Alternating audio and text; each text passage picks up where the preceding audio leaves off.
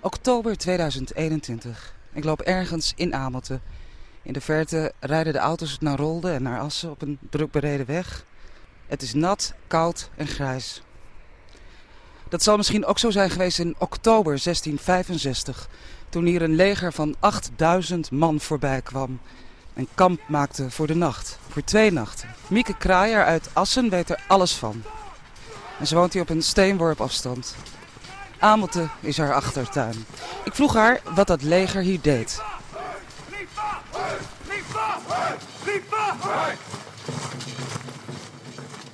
Wat ze hier deden? Eh, nou, eigenlijk hetzelfde als in 1672. Ze gingen richting stad Groningen. Alleen is de situatie wat anders. In 1672 was het echt een oorlog.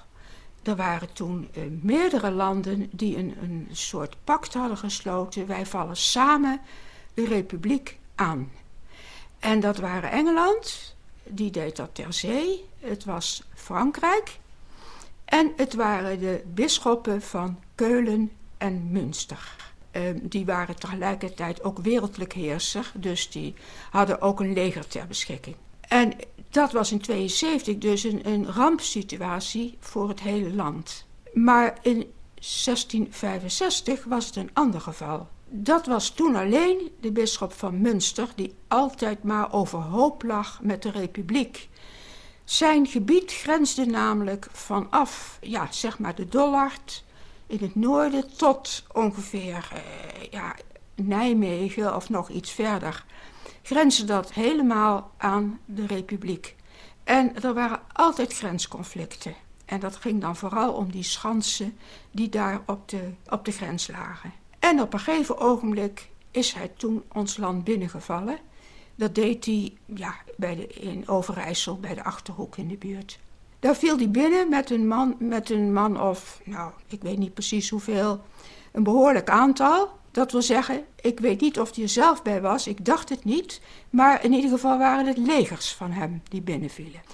En hij probeerde zo ook al die belangrijke steden in Overijssel in handen te krijgen. Want in die tijd ging het niet over het veroveren van land, maar het innemen van steden. Maar dat lukte hem niet zo goed. En toen wendde hij eigenlijk zijn aandacht van uh, Overijssel meer naar het noorden. En hij stuurde een generaal, en dat was een Schotse generaal, want hij had allemaal gehuurde mensen in dienst. Dienstplicht bestond in die tijd nog niet. Dus ook dat hele leger, dat waren allemaal, ja, vrijwilligers. Dat kan je eigenlijk niet zeggen. Het waren grotendeels arme sloebers die thuis geen geld konden verdienen.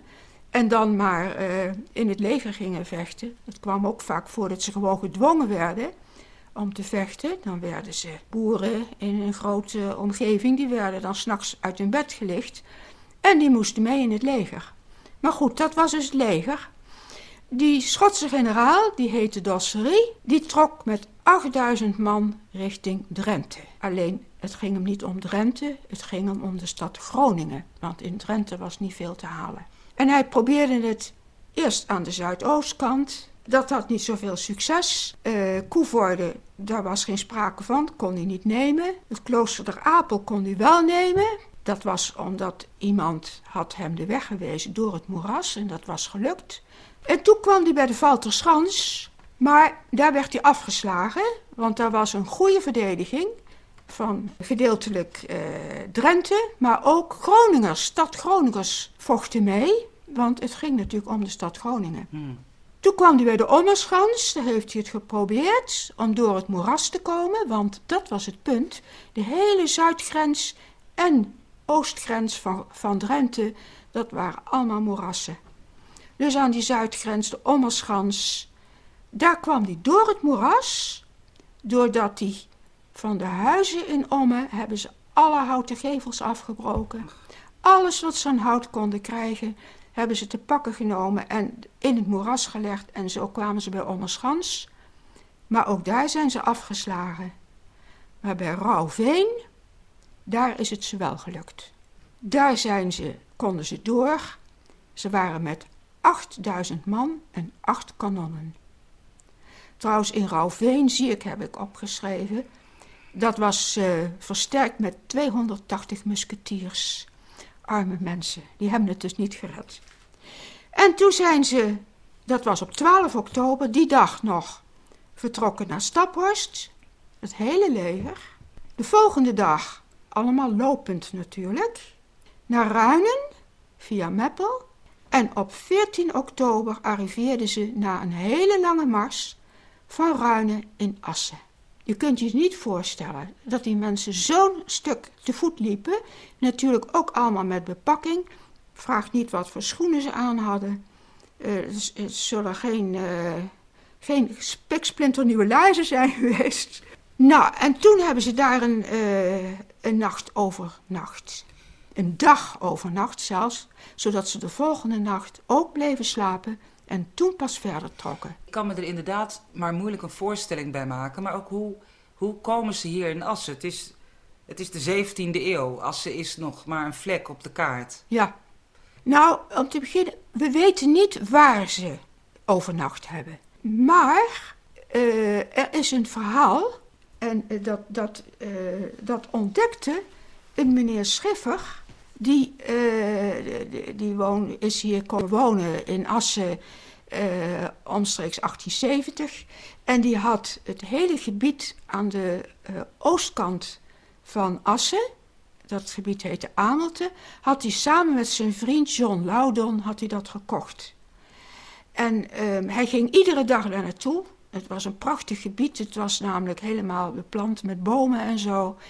En uh, ja, hij, hij zorgde dat dat goed onderhouden werd en zo. En hij was toch met pensioen, dus hij had alle tijd. Hij schrijft, en dat schrijft hij op in 1883, dat er iets bijzonders was geweest in dat Amelte. Ik vernam namelijk in de tijd, schrijft hij, uit de mond van bejaarde inwoners die daar in de buurt woonden, dat vlak bij een vierkante, door grachten omgeefde hoogte die daar in het noorden van Amelte ligt, de legerplaats zou zijn geweest van Berend van Galen. En nou kan je zeggen, ja, dat zegt die meneer nou wel en dat zeggen die mensen wel, maar is dat dan wel zo? En, maar hebben we het dan over 1672? Nee, men was in die tijd eigenlijk ook vergeten dat er in 1665 ook een inval is geweest. En ook dat, uh, dat er toen dus een, een leger van Berend van Galen met 8000 man bij Assen moet hebben gebivakkeerd. En nou hoort hij van die inwoners van Amelte dat er in het noorden van Amelte de legerplaats was geweest van Berend van Galen. En hoe die legerplaats eruit zag, dat weten we niet. Het was maar voor twee nachten. Ik denk dat alleen de hoogste officieren in een tent sliepen en de rest gewoon op de grond. En generaal de Osserie sliep misschien wel in een, in een huis? Ja, in, in de stad Assen, dat was een, een stadje. Nou, nee, dat was geen stad. Dat was een, een vlek ja. met uh, nou, een, een, paar huizen. Er heeft vroeger een klooster gestaan, dat was gevorderd. En dat was nu het, uh, het, de plek waar uh, het bestuur zat van Drenthe. En dan waren daar omheen nog wat, uh, wat er was een ontvangershuis. Uh, dat was het huis van de ontvanger. En er was een kastelein. En ja, zo waren er nog een paar huizen. er waren ook enkele boerenhuizen nog. er was een huis voor de pastoor. Oh nee, er was geen pastoor meer. Voor de dominee.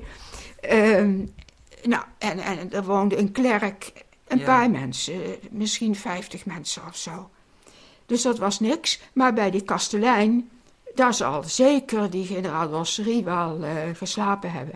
Die zal wel in, in, de beste kamer hebben geslapen. Voor de mensen die hier woonden, de boeren, zal het, zal het geen uh, feest geweest zijn?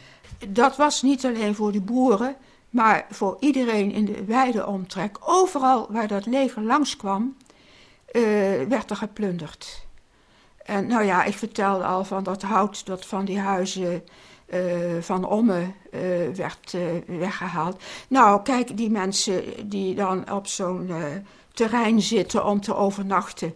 Die gaan natuurlijk eh, met vuren. Ja, er moet toch iets, iets warm gemaakt worden. En ze zullen misschien iets van pap hebben gekookt. Maar ze zullen ongetwijfeld ook het vee hebben gestolen en geslacht en gebraden. Men was hun vee kwijt. Ze zijn overal de boerderijen binnengegaan om te kijken of er brood was of andere etens waren. Ehm, hout zullen ze, van, van de gouvernementsgebouwen, ehm, waren de deuren weg. De kozijnen waren weg, glasruiten waren kapot, vloeren waren kapot. Ja, dat werd natuurlijk allemaal gebruikt. Het is eigenlijk strijkt er gewoon een, een sprinkhanenplaag neer. Ja, ja. En, en ze kregen ook slecht betaald. Of helemaal niet betaald, of de beloning was achterstallig. Want dat was ook een van de redenen dat ze in Assen halt maakten. Niet alleen omdat ze uh, lange mars die dag daarvoor hadden gehad, maar ook gebruikten ze die dag om de buit te verdelen. Mm. Dus al die boerderijen waar, en huizen waar ze binnenkwamen, ja, daar werd geplunderd wat je mee kon nemen. Ze gaan van hier door naar Rolde, via Zuid-Laren, richting Groningen, maar de missie mislukt. Ja, ja, ja, ja.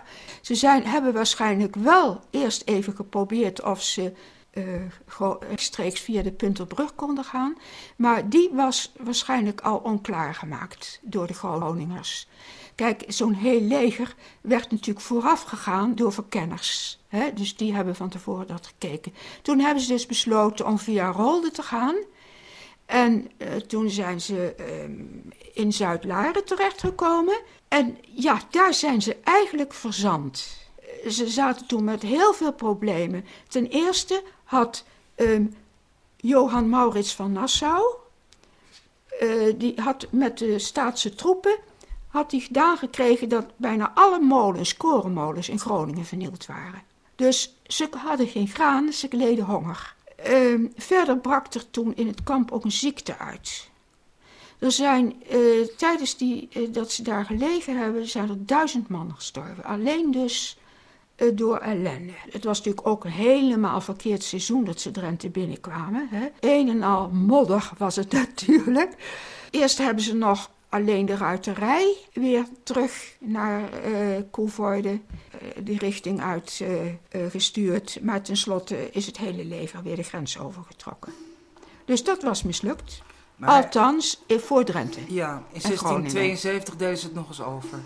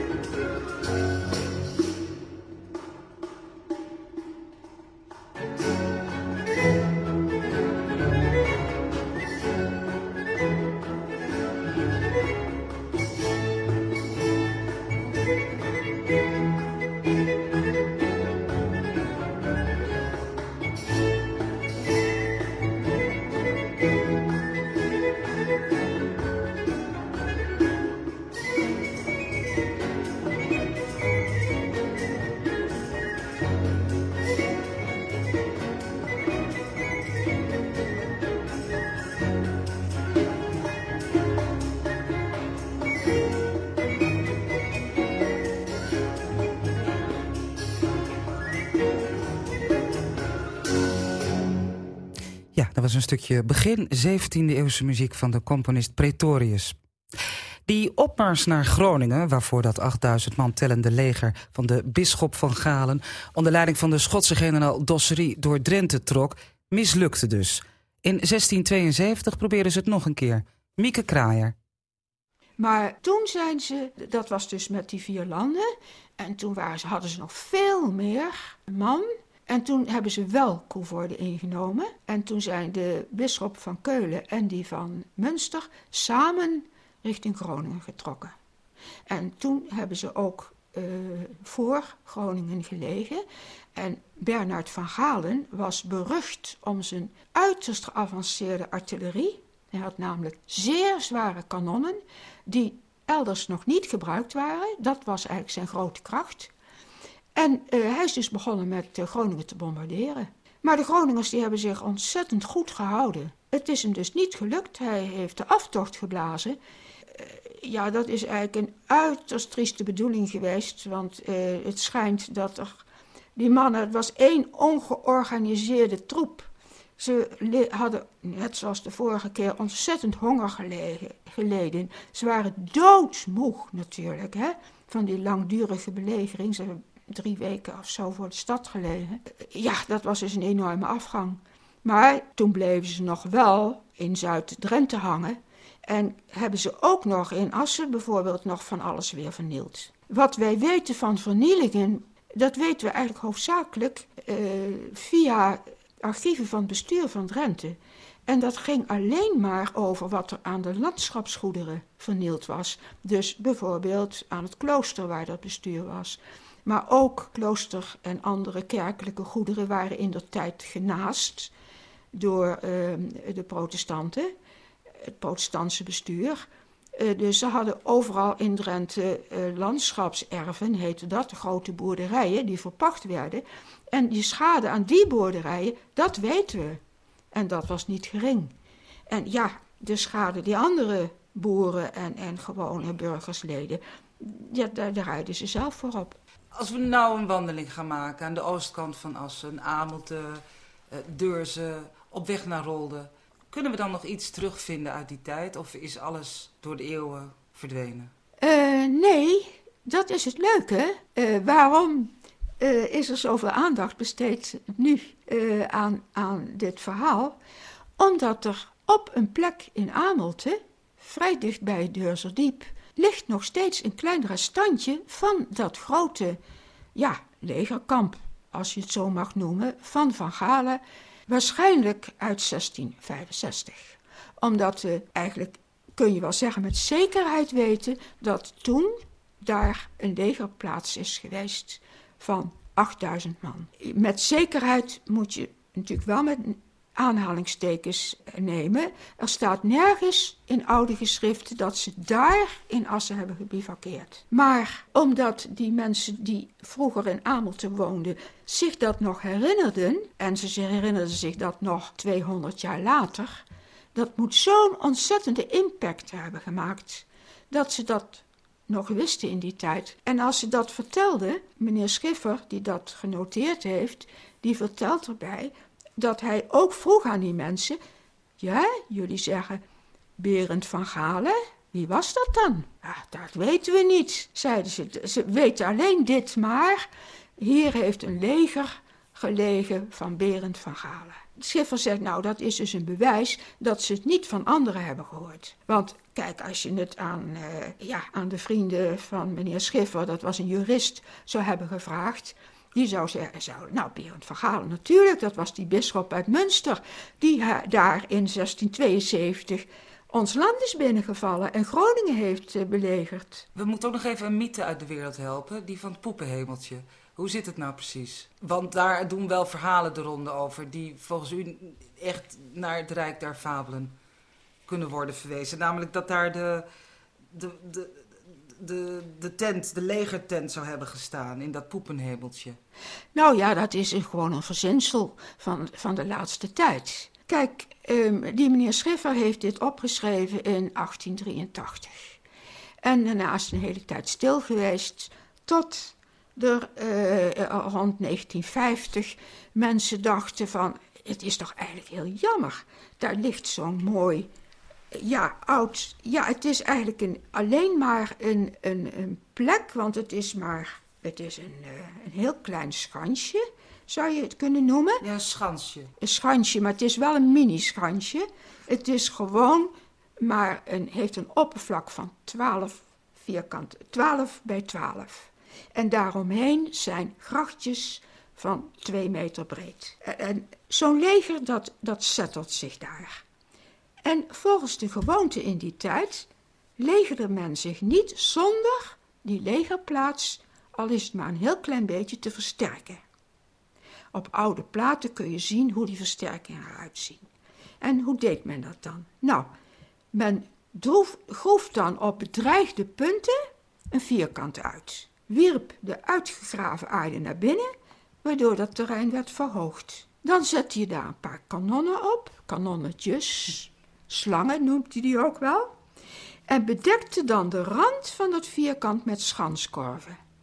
En dan zul je zeggen, wat zijn schanskorven nou? Nou, dat zijn rieten manden, of nee, tenen manden. Nou, die tenen die kun je overal snijden, hè, van de takken die er zijn. En die vul je met aarde. Dus zo heb, bouw je een rand op. En aan de achterzijde bleef een smalle toegang bestaan. Nou, dat is precies wat hier in Amelte ligt, schrijft meneer Schiffer. En hij zegt, bovendien, dit terrein lag een beetje hoger, maar de omgeving was heel nat. Dus als er verkenners bijvoorbeeld zouden komen, uit de kant van Groningen natuurlijk, hè, want we hebben het over het leger van Van Galen en de Groningers zijn de tegenstanders. Hè, dan komen de verkenners over de lonerij. Nou, die kon je toen prima aanzien komen, mogelijk. Maar goed, zo, uh, zo heeft dat eruit gezien en dat was het dus. Het was maar een, een, een tijdelijk, ja, een ja, tijdelijke versterking. Oh, wacht, ik moet ook nog zeggen, jij zei van die tent. Ja, die tent, want dat... Dat, dat, is, dat, is... zegt Schiffer niks over. Nee, dat is pas in de jaren 50 in het maandblad Drenthe komt er iemand met een mooi verhaal. Ja, iemand die, die, dan zeggen ze, nou niet alleen in het maandblad Drenthe, maar elders ook nog. En dan zeggen ze dat um, de schans, waarin niet meer dan een tent kan worden geplaatst, heeft mogelijk gediend ter bescherming van een hut of tent van een bevelhebber. Dat is een heel ander verhaal dan Schiffer vertelt.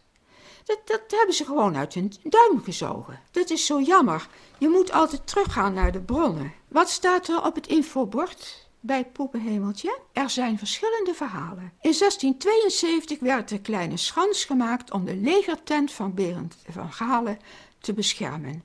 Van hieruit kon hij te paard binnen twee à drie uur Groningen bereiken. Nou ja, dat, dat is dus uh, dat is nergens op gebaseerd. nee.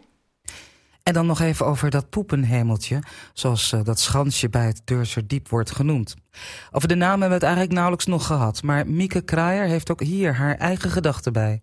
Ja, dat is dan opeens, schrijft er iemand um, in 56 een verklaring van heen poepenhemeltje. De naam poepenhemeltje ben ik niet tegengekomen.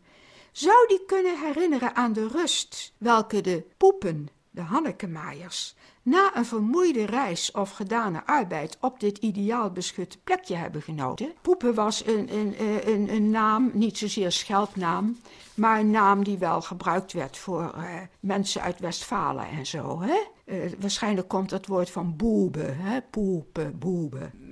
Maar waarom zouden dat Hannekemaaiers, daar de rustplaats van Hannekemaaier, dat is, ik vind het veel waarschijnlijker dat het verwijst naar dat leger van Van Galen. Dat was een Duits leger. Ja, al die, al die eh, werknemers waren Duitsers. Uh, die Hannekemaaiers, Hannekemaaiers zijn seizoenarbeiders die um, omdat er uh, prachtige weilanden waren en, en dergelijke in, in Drenthe, en maar vooral Groningen en Friesland, vanuit het arme Westfalen en oost, de westkant van Duitsland kwamen, om daar dan wat te verdienen. Die zouden dan daar hebben overnacht. Dat, dat, dat slaat helemaal nergens op. En dat staat ook op dat infobord. Het schansje werd tot begin 1900 gebruikt door Duitse seizoenarbeiders. Daar weten we niks van. Er is niemand die mij dat kan vertellen. Ook Hannekemaaiers of poepen genoemd. In een ander verhaal wordt het poepenhemeltje het fundament voor een tuinhuis genoemd. Dat hoorde bij het vroegere sterrenbos. Ook dit tuinhuis bood onderdak aan Duitse seizoenarbeiders. ja. Het is echt heel erg. We kunnen zeggen dat het misschien ook wel een oorlogsmonument is. Nou, het is een rijksmonument. En um, het valt in de hoofdcategorie verdedigingswerken en militaire gebouwen. Subcategorie omwalling. En het kan dus stammen uit 1665 of van een paar jaar later, 1672. Ja, maar dat is niet zo waarschijnlijk. Uh, het, het, zou kunnen, maar de hoofdtroep van uh, Van Galen is toen via Koevoorde gegaan. Er is nog wel een, een tweede groep gekomen uh, om te helpen in Groningen, uh, bij Groningen, uh, via Zwolle. Dus die kan via Assen en dan Rolde zijn gegaan. Maar dus 1665 is meer waarschijnlijk. Is meer waarschijnlijk. Ook omdat toen wordt duidelijk wordt dat er toen zeker, maar dat weten we niet zeker, maar dat het een schandje is, ja, wat met Berend Verhalen te maken heeft, lijkt mij zeer waarschijnlijk. Mieke Kraaier. En dat schansje kun je nog altijd zelf gaan bekijken. Je luisterde naar een podcast van Drenthe Toen. Vond je het leuk? Laat dan een beoordeling achter. Dank je wel.